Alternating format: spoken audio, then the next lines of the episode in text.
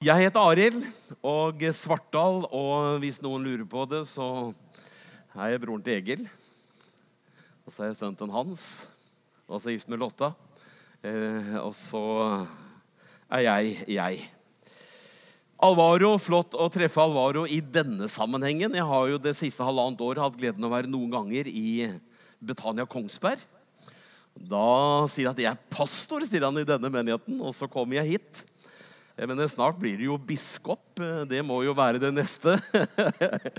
Så det er fantastisk flott, og Gud velsigne dere. Nå er det jo Alvaro han påstår at jeg er lærer. Vi får nå se på det. Men eh, hva er da Alvaro? og eh, nå sies det jo om eh, For de av oss som av og til ser på skihopp, så snakker man om oppdrift i bakken. Jo mer oppdrift, jo bedre svev og jo flottere hopp. Og da er jo, for oss som står her og preker, er jo som å hoppe. Og så er det alltid spørsmål er det oppdrift. Åssen blir hoppet og svevet? Hvordan blir prekena? Eh, mange skihoppere kan ha forberedt seg veldig, men eh, er ikke oppdrift, så blir det Da lander man på kuren.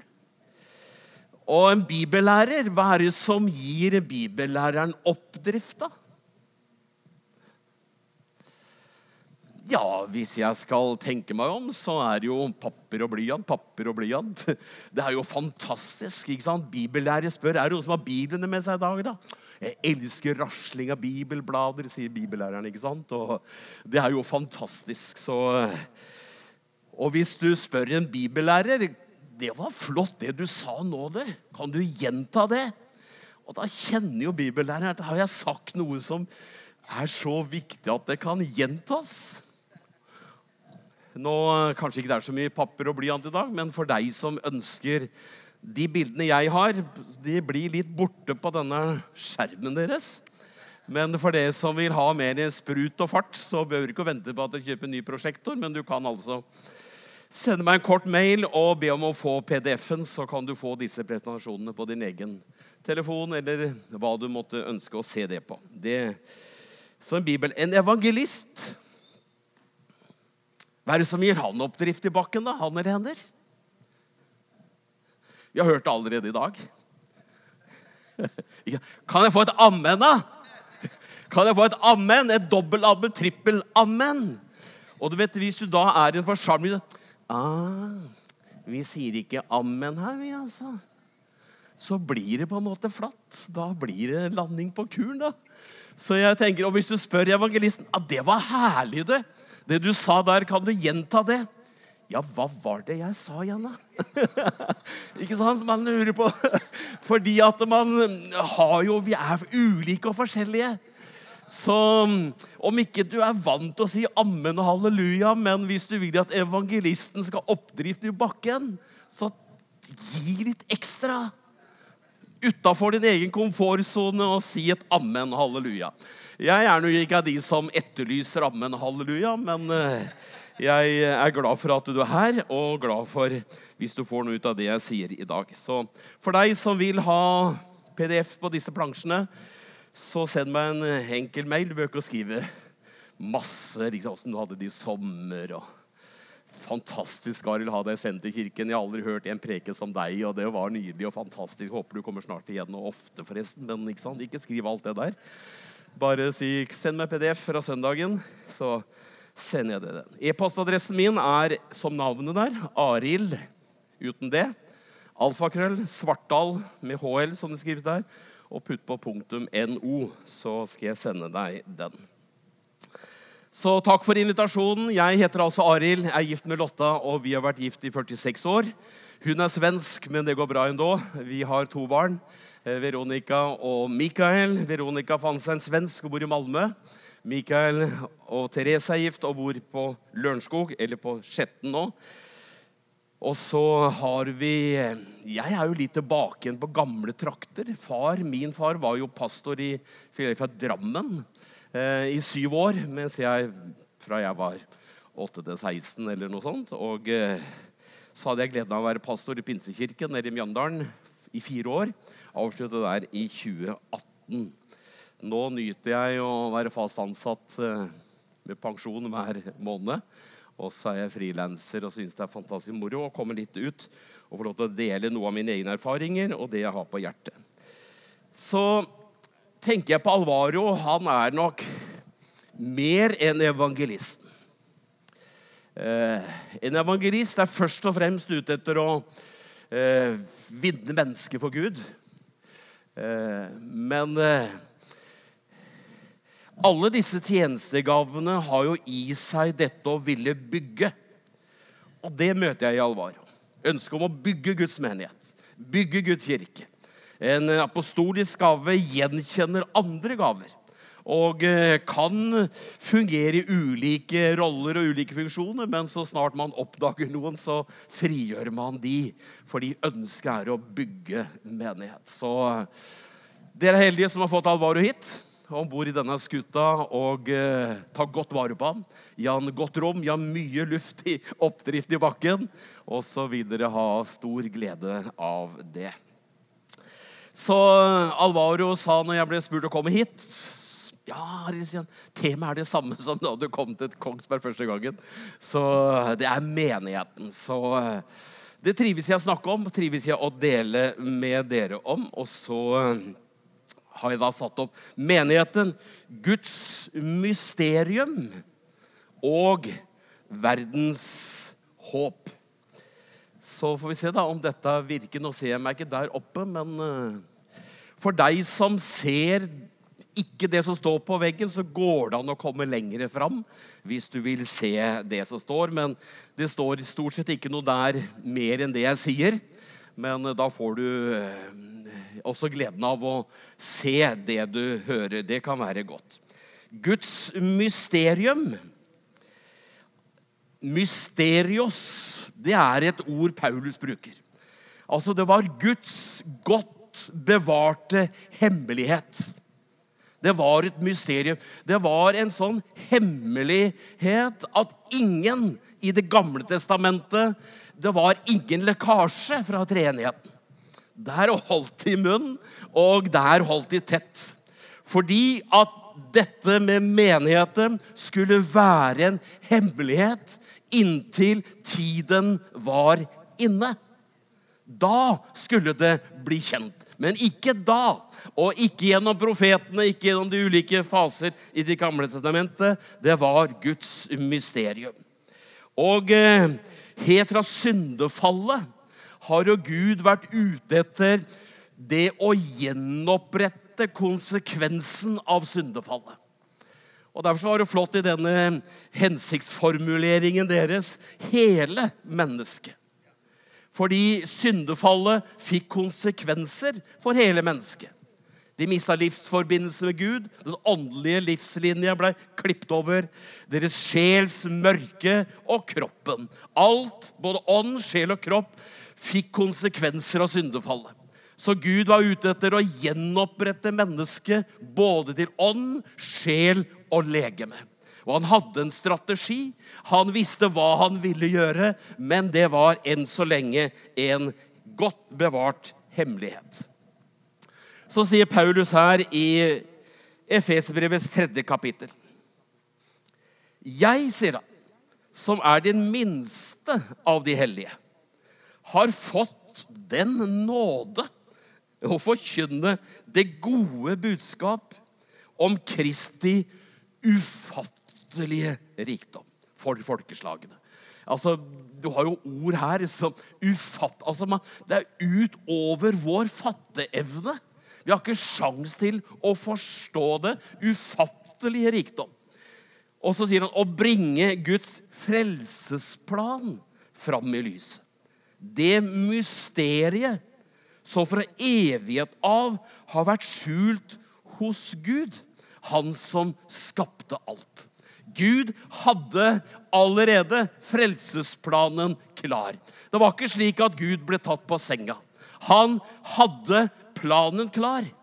For det står før verdens grunnvoll ble lagt, hadde han utvalgt oss i Kristus. Og Kristus var Guds hemmelighet og det som skulle komme ut av hans liv og hans død og oppstandelse. For da står det her i vers 10.: Slik skulle hans mangfoldige visdom bli kunngjort gjennom Kirken for maktene og åndskreftene i hilderommet etter Guds evige forsett, som han nå har fullført i Kristus Jesus, vår Herre. Så Paulus han var jo rett person på rett plass til rett tid. Da Gud ønsket å åpenbare for ham. Åpenbaring skulle til. En enkel definisjon på åpenbaring. Det er noe som har vært der hele tiden, men som du ser for første gang. Og slik hadde jo Kristus vært der hele tiden. I Guds plan, i Guds tanker. Men det hadde vært et mysterium inntil han finner Paulus. Han vil jeg åpenbare denne hemmeligheten for. Han skal få vite dette mysteriet. Og så blir Paulus begeistret. Gud kaller et folk til å bli hans. Ikke bare jøder, men alle jøder og hedninger skulle inn i dette, og menigheten skulle se dagens lys. På samme måte som Adam hadde vært i Eva fra begynnelsen. Men det var først når Gud hentet ribbenet ut, at Adam pustet også dagens lys. Menigheten har vært i Kristus fra før verdens grunnvoll ble lagt. Men gjennom Jesu liv, hans død og oppstandelse, tas menigheten ut av hans liv. Og så blir menigheten en realitet. Menigheten et Guds mysterium. Som du bare forstår hvis Gud åpenbarer det for deg. Fordi menighet er mer enn en interessegruppe. Liksom eh, Vi er ikke en diagnosegruppe. Vi er liksom ikke eh, bare interessert av noen felles interesser. Men eh, det handler altså om de som har sett inn i Guds mysterium. Når Jesus spør disiplene hvem sier folk at jeg er, da? Og så sier de det, og så sier Jesus på denne åpenbaringen. Da Peter sa, 'Du er Messias, den levende Guds sønn'. Hvem har, Ingen har fortalt deg det, sier Jesus. Men det er åpenbart for deg. For på denne klippet og på denne åpenbaringen vil jeg bygge min kirke. Derfor er min bønn er jo at vi enda mer ser noe av dette her. Åpenbaring av menigheten som et mysterium og Guds frelsesplan. Altså Det er som når du sitter i en teatersal og sceneteppet er trukket for, så ser du jo ingen, da ser bare teppet. Men i det øyeblikket som Wow, sier man da. Wow. Da ser du kulissene. De har vært der hele tida. Men du har bare ikke sett det. Så la oss be den bønna som Paulus sier. Måtte Gud gi vårt hjertes øyelys, så vi kan se. Og vi kan forstå. For da kan vi fatte bredden, lengden, høyden og dybden. Og når Paulus skulle ta denne åpenbaringen av Guds frelsesplan og menigheten, så er det vanskelig å finne ord. Så Derfor så må Paulus bruke flere metaforer. Og eh, når vi skal trykke firefarva trykk, eller firefarvet fotografier, så trenger vi altså fire farver. Fire lag som må blandes sammen for at du skulle få en farveopplevelse. Da kan hende at du elsker rosa eller blått eller gult. Eh, men eh, det blir ensidig hvis vi bare ser én farve. Paulus han må hente inn fire farver for å kunne klare å prøve å forklare for oss menighetens hemmelighet. Og eh, Vi vet at vi trenger disse fire farvene. Kanskje du er Jeg vet ikke om du er farveblind, men hvis du er farveblind, så ser du farvene annerledes. Jeg vet ikke om du ser alle fire. Men eh, de farveblinde som enten blir helbredet eller helt friske, de plutselig ser Wow, har disse farvene vært der hele tida? Og det er jo fascinerende. Så når Paulus altså skal velge farger eller metaforer for å forklare menigheten, så velger han altså fire metaforer. Som iallfall jeg velger å hente ut her. Og Derfor så er ikke den ene viktigere enn den andre. Selv om vi ut fra personlighet, nådegaver, setter mest pris på den ene framfor de tre andre, eller vi liker to av dem.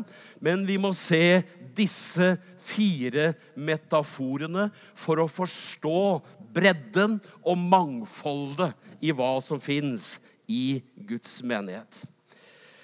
Og disse fire metaforene er menigheten som Guds familie.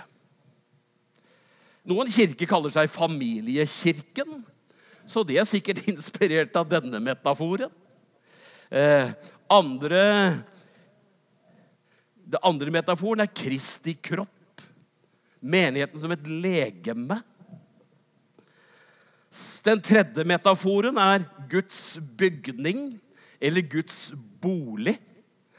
Og den tredje, fjerde er Kristi brud. Og det er jo det spennende at vi må oppmuntre hverandre til å se de ulike perspektivene og de ulike metaforene. Så la oss se raskt på alle disse fire, selv om jeg da tar eh, to av dem hovedsakelig i dag. De to neste, to siste, tar vi neste søndag. Men i dag så har vi fokuset på de to første, men vi nevner alle fire her. Hvis du klarer å se på plansjen min, så er det helt til venstre metaforen Guds familie. Når den metaforen brukes, da er Kristus vår bror. Vi er hans brødre og søstre. Da er vi søsken. Og så er fokuset på den metaforen relasjonene. Relasjoner i Guds familie. Men neste metafor, hvor det er snakk om å være Kristi kropp, da understreket eh, Alvaro i formiddag, da er Kristus hode. Da er han ikke broren vår, men han er hode for sin kropp. Og fra hodet vårt kommer jo instruksene. Jeg husker, glemmer jo aldri Lotta meldte meg på Grete Rode-kurs. Jeg skjønte aldri hvorfor, men hun syntes det var behov for et Grete Rode slankekurs. Så jeg havna på det. Og da satt vi i sånne grupper, da. Og det var vitnesbyrd. Det var å gå sirkelen rundt, og folk fortalte. Og, ja, dette er mitt tredje kurs. Tredje kurs, tenkte jeg. Er behov for tre kurs? og så husker jeg komme hjem til Lotta og si Lotta å si Har du tatt en bestemmelse for livet? Det sitter her, skjønner du. Men du vet, av og til så er det teflon oppi her. Så det bare det renner bort igjen. Men uh, det sitter mye i hodet vårt der Kristus er hodet. Og når den metaforen brukes, er vi lemmer på den kroppen. Vi er lemmer. Paulus sier vi er hverandres lemmer, hvor den ene lemmet er avhengig av det andre for at kroppen skal funksjonere. Og så er vi Kristi lemmer. Det vil si, alle lemmene er under Kristus som hode. Og da handler det litt om fokus som systemer. Og så er det noen som stusser på at vi snakker om systemer når vi snakker om kropp som en organisme. Sier de vi er ikke noen organisasjon, Arild. Men kroppen har masse systemer. Er nervesystem, fordøyelsessystem, blodsystem altså Det er så mye systemer for at denne kroppen skal funksjonere. Hvis én av de systemene ryker, så er jeg ikke frisk og sunn. Som gjør at det handler om systemene. Så er den tredje metaforen er Guds bolig. I det metaforen og bildet og eksempelet så er ikke Kristus broren vår. Han er ikke hodet, men han er hjørnesteinen. Og toppsteinen. Hjørnesteinen er utgangspunktet for det som skal bygges. Fordi Gud bygger sitt hus. Gud bor ikke i hus gjort av stein, strå og halm og trevirke, men han bor i gjenfødte troende. Det er hver for oss. Vi er, vi er, templer for Gud, men sammen er vi bolig for Gud. Og i den metaforen er du og jeg levende stener. Levende stener. Det får vi snakke litt om neste gang. Men da handler det om strukturer det er jo at Gud er mer enn en steinsamler, i betydning at han samler stein på haug. Gud er en som bygger sin bolig. Og så traff han deg. Og så lot, sa du ja, og så henter han deg inn fordi han har planer om hvor du skal plasseres i dette huset. Og så handler det om Kristi brud. Det er ikke Jesus broren vår og hodet vårt for legeme eller hjørnestein i boligen, men han er brudgommen. Da Gud hentet ut Adam som et ribbein av Evas kropp og blåser livspust, da sier han, 'Wow, dette er kjøtt av mitt kjøtt'. Dette kommer fra meg. Og så ble de gitt til hverandre. Det er det som skjedde da Gud så at hans sønn ikke hadde godt av å være singel. Men jeg må gi han ei kone. Jeg må gi han en hustru. Jeg må gi han en kvinne. Ut av Kristus former Gud menigheten og blåser livspust. Og Jesus sier, 'Wow, det er min brud'. Det er fantastisk.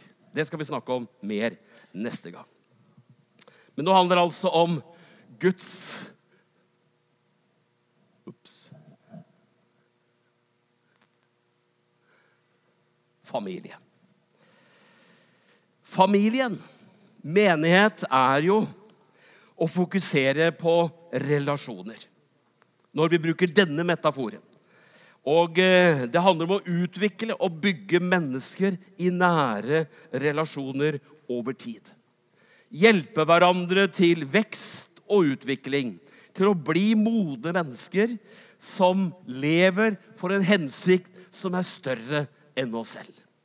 Ikke meg selv i sentrum, men som dere har i deres hensiktsformulering.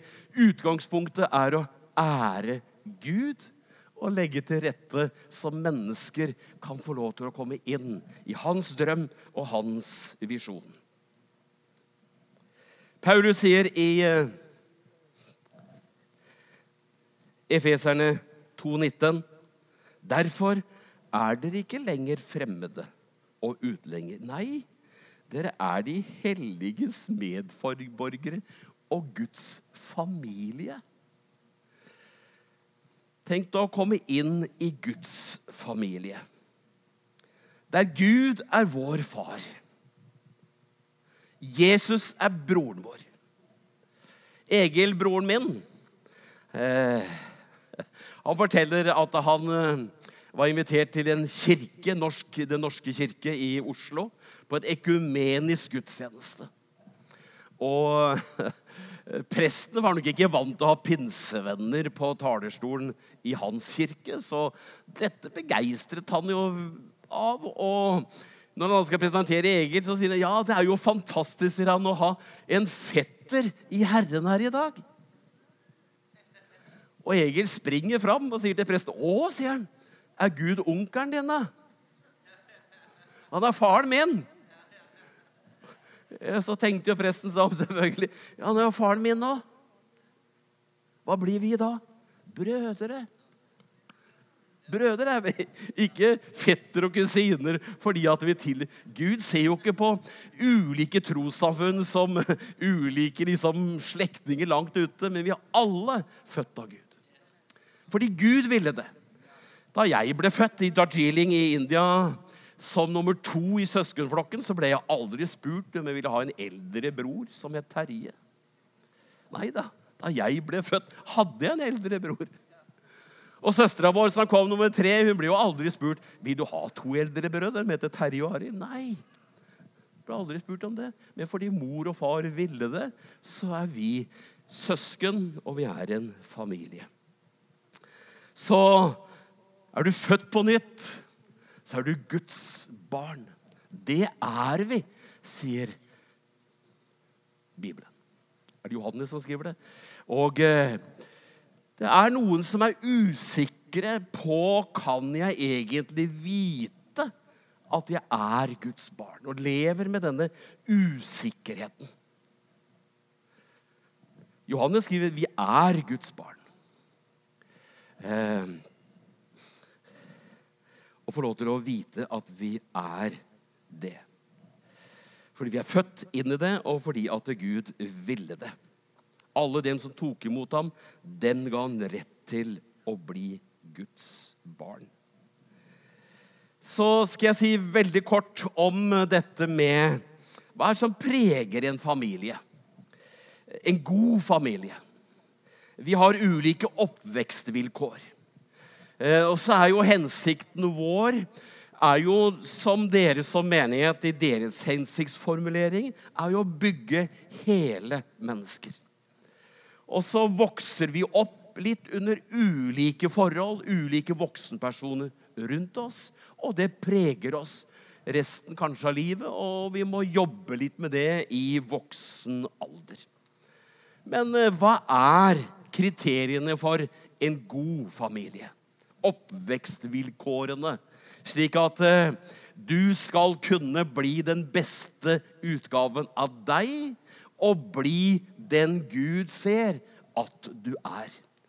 Ha et bilde som er det samme som det bildet han har av deg. Jeg har tatt med meg fire punkter her fra Prepp. Samlivskurset fra Modum. Lotta og jeg vi er sertifisert i Prepp, og de tar opp eh, De kaller det for Prepp-stolen når de snakker om relasjoner mellom par. Men jeg tenker at de samme kriteriene gjelder jo i familien vår. Med foreldre, voksenpersoner og barn. Men det kan også overføres tenkte jeg, inn i menigheten. For en stol med fire ben blir ustødig hvis ikke de benene er like lange. Hvis det tredje benet er kort eller brukket, så vagler man. Så alle disse fire benene må være godt på plass. Det handler om trygghet, hengivenhet, forpliktelse og framtidstro. Trygghet. Også når vi kommer inn i Guds Kan jeg være trygg her? Kan jeg være meg? Eh, kjærlighet. Blir jeg elsket? Hvordan vet man om man blir elsket.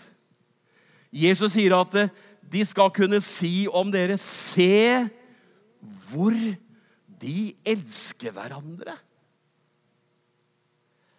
Ingen av oss kan se kjærligheten. Like lite som du kan se vinden. Men du kan se om det blåser. For vinden påvirker løvet. Å, det er en liten bris. Uh, I dag blåser det voldsomt. Se, titt ut av vinduet. Se, se, hvor mye det blåser. Kjenner ingenting, jeg. Kan ikke se den, men jeg ser. Og det sier Jesus. Kjærligheten kan ses i relasjonen mellom mennesker. Så uh, eh, fins det tilgivelse her? Blir jeg tilgitt? Blir det holdt opp for meg mine gamle historier? Jeg har en historie hjemmefra med mor. Vi er jo fem-seks søsken. De fem første kom ganske tett. Halvannet år mellom hver av oss. Og så gikk det sju år før sistemann kom, Trond. Så han var jo liten gutt nesten når vi andre var ute av heimen. Men en dag så hadde mor vært ja, Hun tenkte jo sjøl hadde vi tatt han litt, stramma han opp litt og beskyldt han for noe. eller et eller annet som gjorde at hun gikk og bar på dette her og tenkte dette må jeg snakke med Trond om. Og På sengekanten den kvelden så er mor åpen og sårbar og sier at det jeg sa, Trond, eller gjorde, det var ikke riktig av meg. Kan du tilgi meg? Og Så sier denne lille guttungen som hadde begynt å lese Han leste mye Sølvpilen på den tida. Og så ser han opp i mors øyne. Mor, mamma, sier han. Jeg sier med sølvpilen I mitt hjerte fins det ikke rom for hevn. Jeg syns det er et fantastisk svar. Jeg sier med sølvpilen. Så heretter kan du sitere sølvpilen eller Paulus eller Jesus, men eh, det viktigste er med tilgivelse er ikke å fallby tilgivelse til noen som ikke har bedt om tilgivelse, men i ditt eget hjerte hvor du kan slippe slippe tanken på hevn. For Hvis du går og bærer på hevntanker, så blir det bitterhet og blir dårlige røtter. Hengivenhet. Altså, det er jo Når to så for presten, og hengivenheten, den eh, uttrykkes jo i forelskelsen. Ikke sant? Altså sterke følelser. Nå sies det jo at forelskelse varer kun i noen måneder. Det er tidsbegrenset hvor lenge du kan være forelsket. Og da er det jo spørsmålet om hva er det forelskelsen går over i? Kan den gå over i kjærlighet? Men hengivenhet er jo det når folk som kommer inn der ser hvor de elsker hverandre i Senterkirken. Ikke bare at noen er med på klemmerne enn andre, men eh, de hører med deg. hører med, Kommer nye folk inn her, sitter ved siden av deg i stolradene her. De hører hva du er opptatt av. Og du snakker godt om de andre, snakker godt om pastoren din, lederskapet ditt, eh, hva du formidler. Men hengivenhet er en overgivelse, og hvor de Å, her er de glad i hverandre. Her ser vi at folk er ulike. Alle blir sett, inkludert, respektert, anerkjent. De får oppmuntringer, de får ros, uavhengig av hudfarve, uavhengig av bakgrunn, evner og talenter. Forpliktelse. Altså det løftet jeg ga ved alteret, er en forpliktelse. Og så er det mitt ansvar å leve ut denne forpliktelsen siterer et sted fra Bibelen. 'Jeg og mitt hus, vi vil tjene Herren'. Da har man forplikta seg på å være til stede i gode og i onde dager. Og så er det tredje bein i denne preppstolen framtidstro. Har vi tro på en felles framtid? Eh, de så det langt borte, står det om trosheltene. De så lenger enn det de var kommet. De så noe i sitt indre blikk som ikke allerede var synlig for dem med øyet. Paulus sier, 'Jeg strekker meg etter det', sier han. Jeg er ikke der enda. Men jeg er ikke forvirra, frustrert av den grunn. Men jeg vet hvor vi skal. Og da Jesus kjempet i Getsemane, så står det der han så fram til lønnen. Og da tenker jeg litt i et fellesskap, relasjoner, hvor vi da kan få lov til å vite at vi har en framtid sammen, vi har en drøm, vi ser noe, og vi er på vei til samme sted. Så er det Kristi kropp. Der er Kristus hode, og vi er lemmer. Underlagt hodet. Når hodet gir en eh, beskjed, så hvis hodet sier at til meg, 'Ari, nå er du litt tørst. Dette begynner å bli tørt.' Kanskje bare for meg, jeg vet ikke, men gå og hent deg et glass vann. Og så kjenner jo høyrearmen kjenner igjen det der signalet. Så høyrearmen er jo allerede klar. Og så må jeg Jeg så et glass vann et eller annet sted her.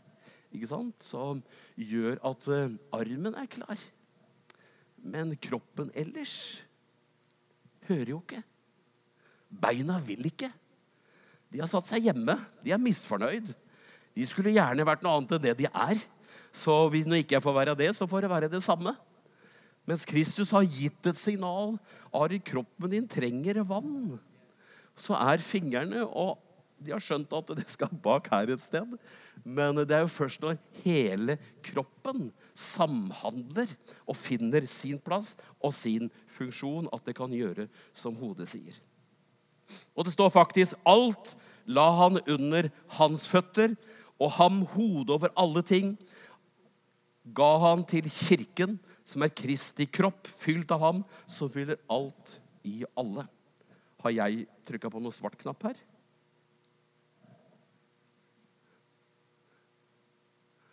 Der var vi. Så det handler om Kristus som hode og vi som hans lemmer. Og Jeg skal si litt om dette at vi er lemmer. Vi har, står det her altså Det er jo fantastisk når Paulus sier i Romerne 2,11 Gud gjør ikke forskjell på folk. Her er det ikke mann og kvinne, jøde, greker, svart-hvitt, fattig-rik. Gud gjør ikke forskjell på folk. Eh, vi er ulike, men vi er allikevel forskjellige. Og da er det nettopp det som jeg prøver å si her. Gud gjør ikke forskjell på folk. I betydningen av at vi er alle like verdifulle.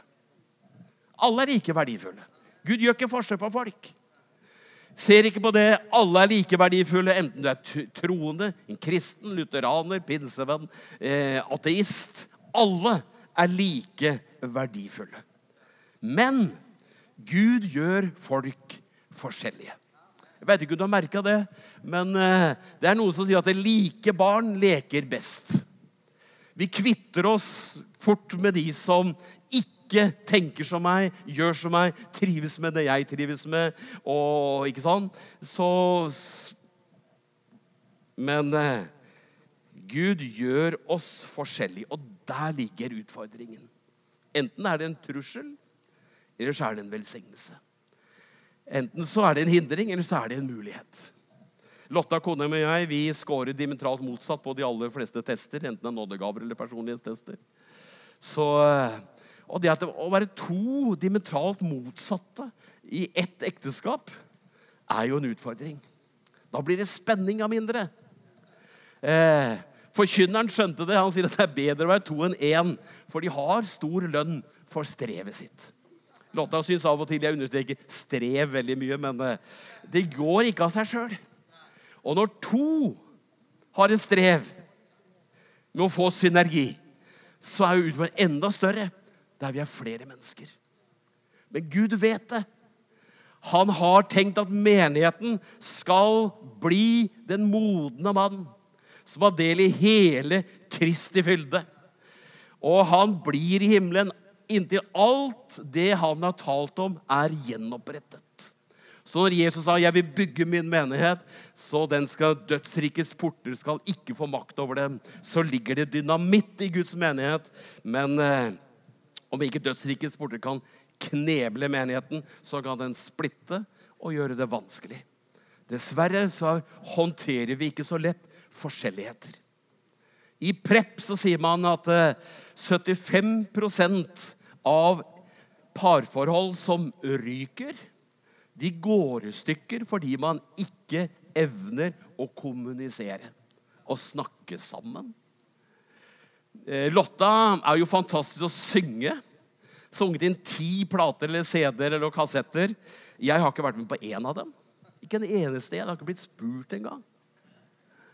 Det er jo fordi at Jeg vokste opp med tanke på at jeg kan ikke synge. Jeg sang jo ikke jeg i fellessanger før jeg var eh, nesten 20 år. Da gikk det opp for meg at Ari, skal du sitte sånn taus hele livet? Det er da vel en menneskerett å synge med det nebbet du har? Det, ja, det har jeg gjort siden. Men Lotta har aldri spurt meg. For det er ikke en menneskerett å synge duett med Lotta på plater. Men å synge med det nebbet man har, det er greit. Men vi er forskjellige. Og eh, da er spørsmålet om jeg syns det er vanskelig. At hun er så flink, og jeg ikke får det til. Er det en trussel, eller er det en fantastisk velsignelse? Det handler om hvor trygg jeg er i meg. At Gud sier, jo ikke forskjell på Lotta, men vi er like verdifulle. vi. Men vi har ulike talenter, ulike gaver. Men vi får lov til å være det. Så ikke se på forskjelligheter som trusler, men få lov til å se at det er en mulighet. Og Jeg skal avslutte med å si litt om nådegaver. For det står at vi er forskjellige. I denne legeme så er det forskjellige oppgaver, sier Paulus. Det er jo eh, selvfølgelig. Altså Tommelen på høyrehånda mi har en annen funksjon enn eh, høyre stortå. Eh, underarmen på venstre har en annen funksjon enn andre lemmer på mitt kropp. Og de er utformet ut fra hvor de skal plassere, og hvilken oppgave de skal fylle. Og så, På samme måte som vi er forskjellige, har forskjellige oppgaver, så har vi forskjellige nådegaver. Nå får jeg ikke gått i dybden på dette, her, men jeg skal nevne bare tre kategorier nådegaver. Så da får du prøve å ta det kjapt. Eh, motivasjonsgavene kaller jeg og vi som deler inn nådegaver på denne måten. Det er én måte å gjøre det på. Du har kanskje andre, men prøv å fange opp hva jeg sier nå. Motivasjonsgavene i Romerbrevet 12 kaller vi denne sammenhengen for motivasjonsgaver. Det er nådegaver som jeg, som er vokst opp i pinsemenigheter, aldri hørte noe om. Vi lærte ikke om nådegaver i Romerbrevet 12. For oss var den midterste kolonnen nådegavene. Åndens gaver. Her kaller vi de for manifestasjonsgavene. Åndens gave. Tale i tunger, profetere, tyde.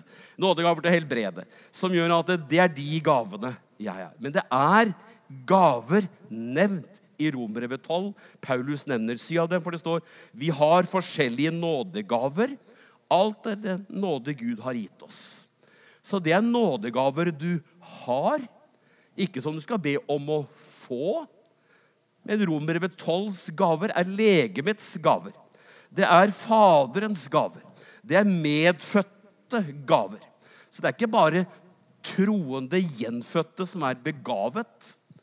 Alle er begavet da de ser dagens lys. Og så ser vi i barna våre at de er forskjellige. De er ulike. Søskenpar er jo ikke snydd ut av ikke sant? De er, de er forskjellige. Ikke bare at de har ulike fingeravtrykk, men temperament, personlighet, hva som motiverer, begeistrer ikke sant? Det er ulikt. Så motivasjonsgavene, Faderens gaver. Gud som er den rette far for alt som kalles barn i himmel og på jord. Han sørget for at da du var i mors liv, formet han deg. Og så kom du. Manifestasjonsgavene det står her hos hver enkelt gir ånden seg til kjenne, slik at det tjener til det gode. På engelsk så står det 'the manifestations of the spirit'. Derfor kaller vi det for manifestasjonsgavene. Alle gjenfødte troende har Den hellige ånd. Innen tredje person i guddommen. Fantastisk. Med alle guddommelige, overnaturlige egenskaper. Og ånden i meg ønsker å gi seg selv til kjenne. På ulike måter med sine gaver. Og når ånden vil gi seg til kjenne, så kan det komme innenfra som en fornemmelse, en tanke, en idé. Og så ønsker ånden, og så utfordres du og jeg om vi ved troen ønsker å aktivere åndens gave. Han trenger seg ikke gjennom. Han eh, presser seg ikke gjennom, men han eh, vil gjerne gi seg til kjenne. Og da har vi alle muligheten. Og Paulus sier, be om å få åndens gaver. I rikelig mål. Til oppbyggelse for menigheten. For hvis vi ikke frigjør åndens overnaturlige gaver, så er alt på det menneskelige grunnlaget. Men ånden gir en ekstra dimensjon. Det er åndens gaver. Og så har vi da den heter høyre tjenestegavene. Det er Sønnens gaver når vi deler inn på denne måten. Da Kristus var her på jorden og gikk omkring og utbredte Guds rike, så var han apostelen, han var profeten, han var evangelisten, han var hyrden, han var læreren. Det har vi ikke tid til nå å gå gjennom, men det finner du skriftstedet på, hvor han var i disse ulike tjenester, alt etter behovet og omstendighetene. Og når han da for til himmelen Han kom sikkert ikke på Oi, nå glemte jeg noe her. Men han eh, visste at disse gavene må jeg gi til menigheten når de skal fortsette å utbre Guds rike. Derfor satte han, som Alvaro leste her fra Efeserbrevet 4.11, noen til apostler, noen til profeter, evangelister, hyrder og lærere. Det er ikke nådegaver som vi først og fremst har inne i oss, men det er menn og kvinner kalt av Gud til å være disse tjenestene, og som er gitt som gaver til menigheten. Når vi skal bygge et hus, så trenger vi rørleggere, murere, vi trenger elektrikere, vi trenger snekkere, vi trenger ulike håndverkere. Og skal vi bygge Guds menighet, så trenger vi Guds håndverkere, Jesu Kristi gaver til sin menighet. Vi kaller dem apostler, profeter, evangelister, hyrder og lærere. Så skal jeg Hei sann.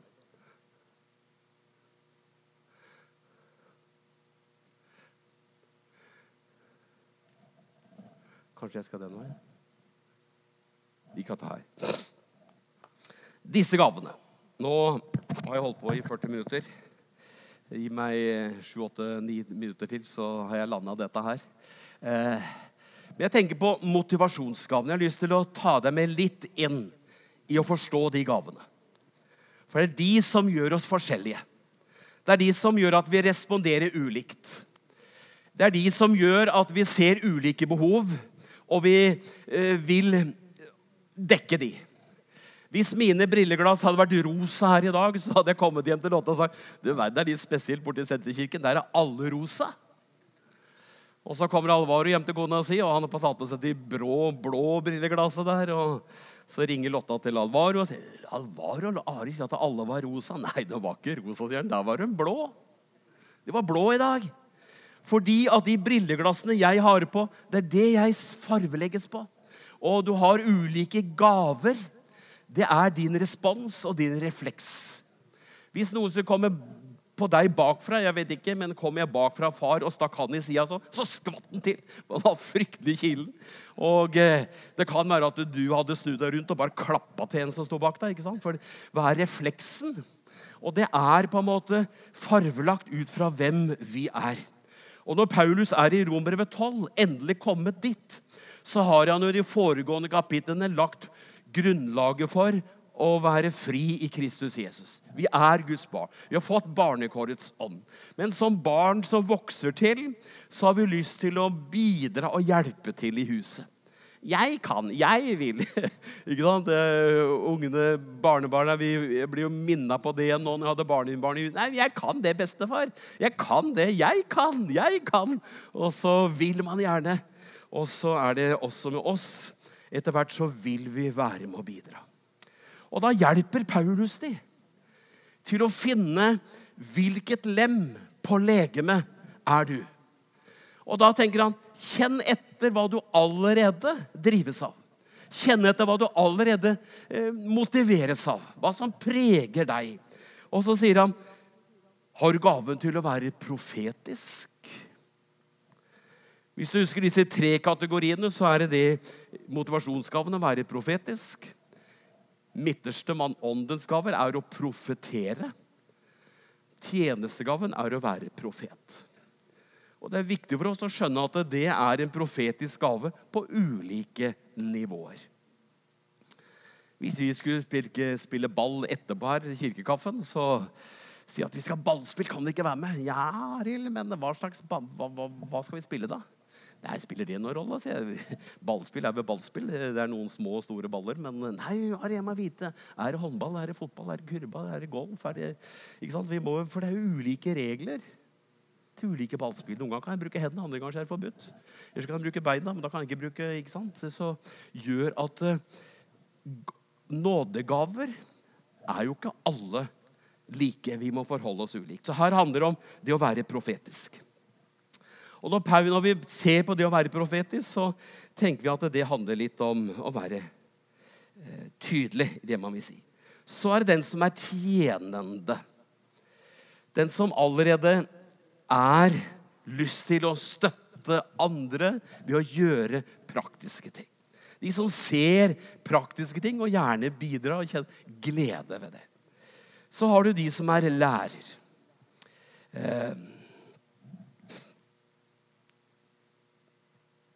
ja eh, Jeg kan ta litt mer på hver gave. Jeg skal fortelle en historie mot slutten her. men det være profet, Mennesker som er profetiske i motivasjonsgave, er mennesker som ser svart-hvitt. Er enten-eller. Du er enten for eller så er du imot. Enten så samler du, eller så spreder du. Enten så er det sant, eller så er det juks. Enten så er det sannhet, eller så er det løgn. Det er liksom, eh, Man går ikke, går, går, går ikke rundt grøten. Man kaller spade for en spade. Man har behov for å være veldig tydelig. Man står på barrikadene, og så sier man at du har to valg. Det er ut, to utganger av livet. Det er enten sånn eller sånn. Og ikke, du vet ikke hvor mye tid du har heller, så du bør egentlig gjøre det før klokka ett i dag. For du, du vet? Man blir tydelig i dette her. Så har du det å være tjenende, for å si litt mer. Det er de som ser behov. De ser om bøker ligger spredt rundt, ser om blomster er visne, ser om lyspærer er svarte. De, de, de, de, ser behovene og har lyst til å med sitt motivasjon til å gjøre, bruke hender, bruke tiden sin til å støtte og hjelpe. De kjenner at yes, der er det noe for meg. Den som er lærende, den har jo på en måte i seg dette å systematisere, undersøke, være grundig. Eh, hvis du har lærergave i deg som på dette her, så vil du sitte og lure på hvor har Arild dette fra med tre kategorier nådegaver. Det er jo ikke skriftsted som sier at det er tre kategorier. Og så lurer du på kan de ikke snart hente et eksempel fra Gamle Testamentet, for det, jo, det skal jo belyses, som bør ha ti skriftsteder på hver påstand. Og som gjør at du leiter jo etter grunnlag og fundamentet. Du vil vite at det er sant, og det er sånn det skal være, og systematisk. Det er den lærende, kanskje den evige studenten, men eh, noen eh, drives av dette her. Du, ikke sant? Eh, som jeg sa i stad her om dette med bare ufattelig ufattelig rikdom. Altså en læregave. Ufattelig. Ikke sant? Hvilket ord! Og forsker, står på, hva står på nynorsk, tror jeg? Hva står det i hverdagsbibelen? Hva står det i den? Hva står det på engelsk? Hva er grunn, hva er tekst? Som gjør at man havner opp bare med ett ord fordi man har denne drivkraften. Og du som ser med de brillene i behovet i menigheten, syns det er altfor lite bibelstudier. Altfor lite. Vi burde hatt mye mer. Det er det brillene du har på nesetippen din. Så er det de som oppmuntrer, da.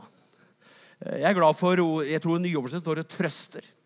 I min 30-oversettelse da jeg vokste opp, så var det 'formaner'. Og jeg er vokst opp i pinsesammenheng og har hatt mange formanere med store pekefingre. Der var det stort sett advarsler om hva som var feil, om hva som var galt, og hva du burde gjøre og ikke skulle gjøre. og hva jeg kunne, ikke sant? Som gjorde at uh, Men egentlig så står jo Greskordet handler om å kalle til sin side for å gi hjelp og hjelpe til videre vekst. Så den som oppmuntrer og trøster, ser mulighetene. Eh, det er ikke umulig at den som har funnet på slogan til Evangeliesenteret 'Ennå er det håp', det er nok mye oppmuntringsgave. Man gir aldri opp. Man tenker at det er enda en mulighet. Så for deg som liker å veilede, gi råd, være coach og trives med det, tenker jeg du har mye av den oppmuntringsgaven. Gaven til å gi. Du må ikke ha gaven til å gi for å la Gud beholde tienden. Tienden er jo i utgangspunktet ingen gave. Eh, vi skal være takknemlige for at Gud lar oss disponere 90% Han beholder bare ti, han. Så den som lar Gud beholde sine ti, blir velsignet. Men så er det jo de som kjenner en motivasjon utover det. Hvorfor i all verden skal jeg begrenses av det? Man vet at kilden til min velsignelse er Gud, og det er bare nåde. Tiden min, pengene mine De har nok en sans for å generere inntekter og få penger til å sirkulere, men eh, de drives til å være med og bygge Guds rike og gir og vet at det er en kilde også til velsignelse. Gaven til å lede. Eldre oversett står det 'den som er forstander', men eh, det er altså ikke en tittel titler Paulus beskriver her, men han snakker om gaven til å lede. Du ser de små barn, du ser de noen rundt deg, noen har bare gaven. Bare, altså Se på barnehagen. Hvis Petter sier 'Dere, nå går vi bort til Huska der', ja. Og alle springer etter Petter. Og så er det Kari som står der, da, eller Ole. 'Nei, men kan vi ikke leke sandkassa, da?' Og Ole går til sandkassa, men eh, ingen kommer. Så Gaven til å lede handler jo ikke om posisjon å være sjef, men handler om gaven til å lede. Det greske ordet er proistemi. Det å stå i spissen for og stå foran. Og Det kan eh, ha to betydninger. En er at lederen står foran de han leder, han eller henne, som modell. Som Paulus sa, 'Følg meg', sier han, slik jeg etterfølger Kristus. En leders ansvar er jo å modellere være et eksempel som andre skal kunne ta etter. Samtidig så står jeg fortsatt foran dere, men jeg vet hvor jeg skal, og jeg vet hvor jeg ønsker å ta med dere. Det er ledergaven som uh, fins der. Leder Det er forskjell på leder og administrator. En leder er viktig å ta de riktige valgene. Det er å tenke retning det er viktigere enn retningslinjer. Eh, en leder tenker at eh, det er viktig å ta de riktige valgene, og så får vi prøve å gjøre tingene så riktig som mulig. Men fokuset fokus er retningen, det å ta de rette valg. Og så er det gaven til å være barmhjertig. Det er jo mennesker med empati, omsorg utapå. Eh, blir tiltrukket av mennesker med vanskeligheter, med problemer, psykiske, fysiske, åndelige, og har lyst til å se at eh, hverdagen blir annerledes. Man ikke bare går og syns synd på, men man, empati er jo å har evne til å sette seg inn i og kjenne på smerten og fortvilelsen til de man møter. Og man har en driv på dette her og skulle og ville hjelpe de. Det er en rask gjennomgang her. Det kan hende at du gjenkjenner deg selv eller andre på disse motivasjonsgavene. Og jeg vil tro at De fleste av oss, og alle har nok alle, men noe er tydeligere enn andre biter. Så tenk litt på det. Så skal jeg avslutte med en historie hvor jeg da beskriver disse syv reaksjonene. Eh, det var en gruppe på åtte personer. De var en komité, de var et, et eller annet som i samlet dem i en sånn felles interesse. Eh, kanskje det var et hjelpeorganisasjon, kanskje de hadde et prosjekt. Og de likte hverandre, og de syntes prosjektet var spennende, så de holdt sammen.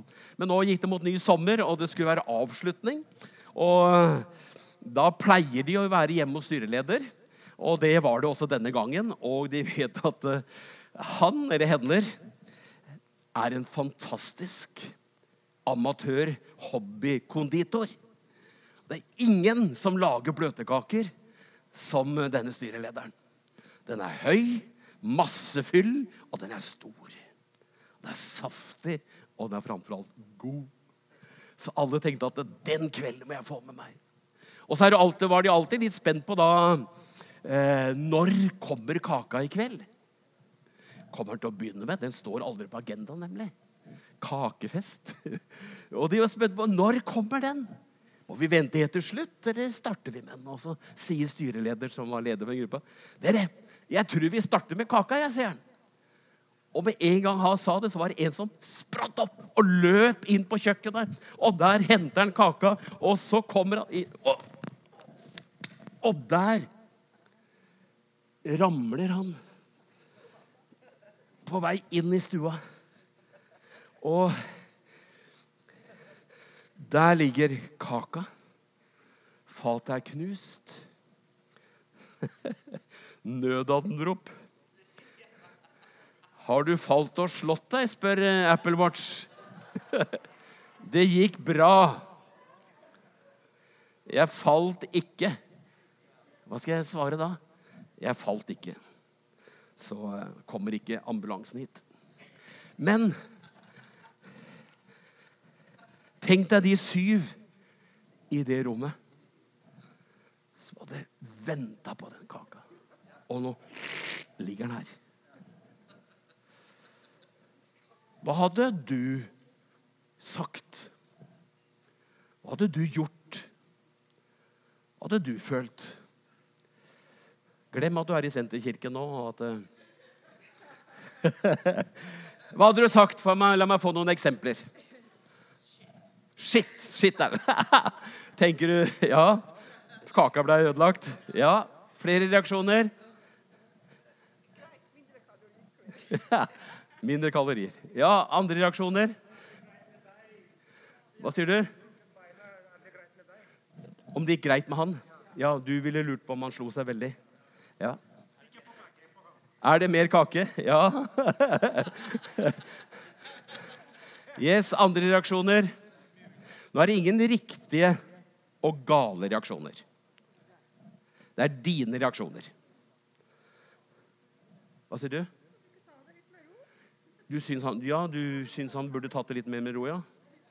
Ja. Det var, Ville du sagt det så vennlig og snilt? Litt mer fart og trøkk? Ja. Kunne du ikke tatt det med roa? Ja, ikke sant? Som gjør at vi vil respondere ulikt. Og vi responderer ut fra disse gavene. Så noen er omsorg for han. Noen tenker på kaka som ble borte. Eh, Hvem av dere hadde tanke på den kaka må opp av det gulvet så fort som mulig? Er det ingen med hjelpegaven her? Som gjør at eh, det du reagerer Tenk litt på det som uttrykk for gaven. Så skal jeg da prøve å beskrive hva som skjedde i dette rommet. Han stakkaren har jo satt seg her borte, da. Er jo fortvila, selvfølgelig. Han, da, nå har jeg ødelagt hele denne kvelden. Og har det forferdelig tungt. Mens en da sier Ja, var ikke det jeg visste? Jeg så at det var du som gikk ut på kjøkkenet, så måtte det gå gærent. Det ante meg før du gikk. At Jeg skjønte jo det at dette her kommer ikke til å holde lenge, så jeg visste jo nesten før det skjedde at den kaka kommer til å havne i gulvet. Akkurat sånn som det blei. Så har du jo da en som satt her og tenkte åh, teppe og jordbærfyll og krem. Så vedkommende hadde jo skjønt for lenge siden her må teppet reddes. Kaka var nok for seint å redde. og... eh, Men han vedkommende var jo da ute på kjøkkenet, ante nok hvor kapper og kar og bøtter og sånn det var, og var allerede han i gang med å ta opp kaka. Det er jo hjelpegaven som ser behov og handler. Så er det jo en som eh, ser alt dette som skjer, og stakkaren der borte, han har også behov for å si det. Du, sier han, du skjønner det. Nå skal jeg fortelle deg noe. Når du skal bære ei kake som er så stor, så må du for det første bruke to hender. Og for det andre så må du ha tunga rett i munnen. Og for det tredje så Du må jo legge merke til den store terskelen mellom kjøkken og stua. Du må løfte beina, gutt. Og som gjør at man vet hvordan ting skal gjøres. Og så er det en som sitter der og skjønner at eh, denne her har ikke noe særlig godt. Så skal jeg oppmuntre han. da. Du vet, Har du ramla hesten, så skal du opp igjen så fort som mulig på hesteryggen. Har du vært ute i en bilkollisjon, så bør du bak rattet så fort som mulig. Og han tenkte, hvordan skal jeg få denne stakkaren til å ikke miste troen på alt? Så får du en idé. Du, sier han. Jeg var innom kjøkkenet i stad. Og veit du hva? Der så jeg det sto et fat med boller. Kan ikke du hente de bollene, sier han. Det tror jeg du kommer, til. det kommer til å gå kjempebra. Så gjør sånn som han andre sa her. Prøv å ha tunga rett i munnen og Eh, bruk begge hender og vær obs på terskelen, så kommer det til å gå bra. Og hvis det går feil igjen, så er det mye lettere å plukke opp boller, vet du.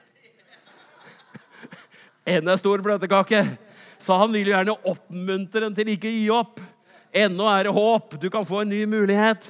Litt mindre, men som du kan mestre. Så det er oppmuntrerens gave.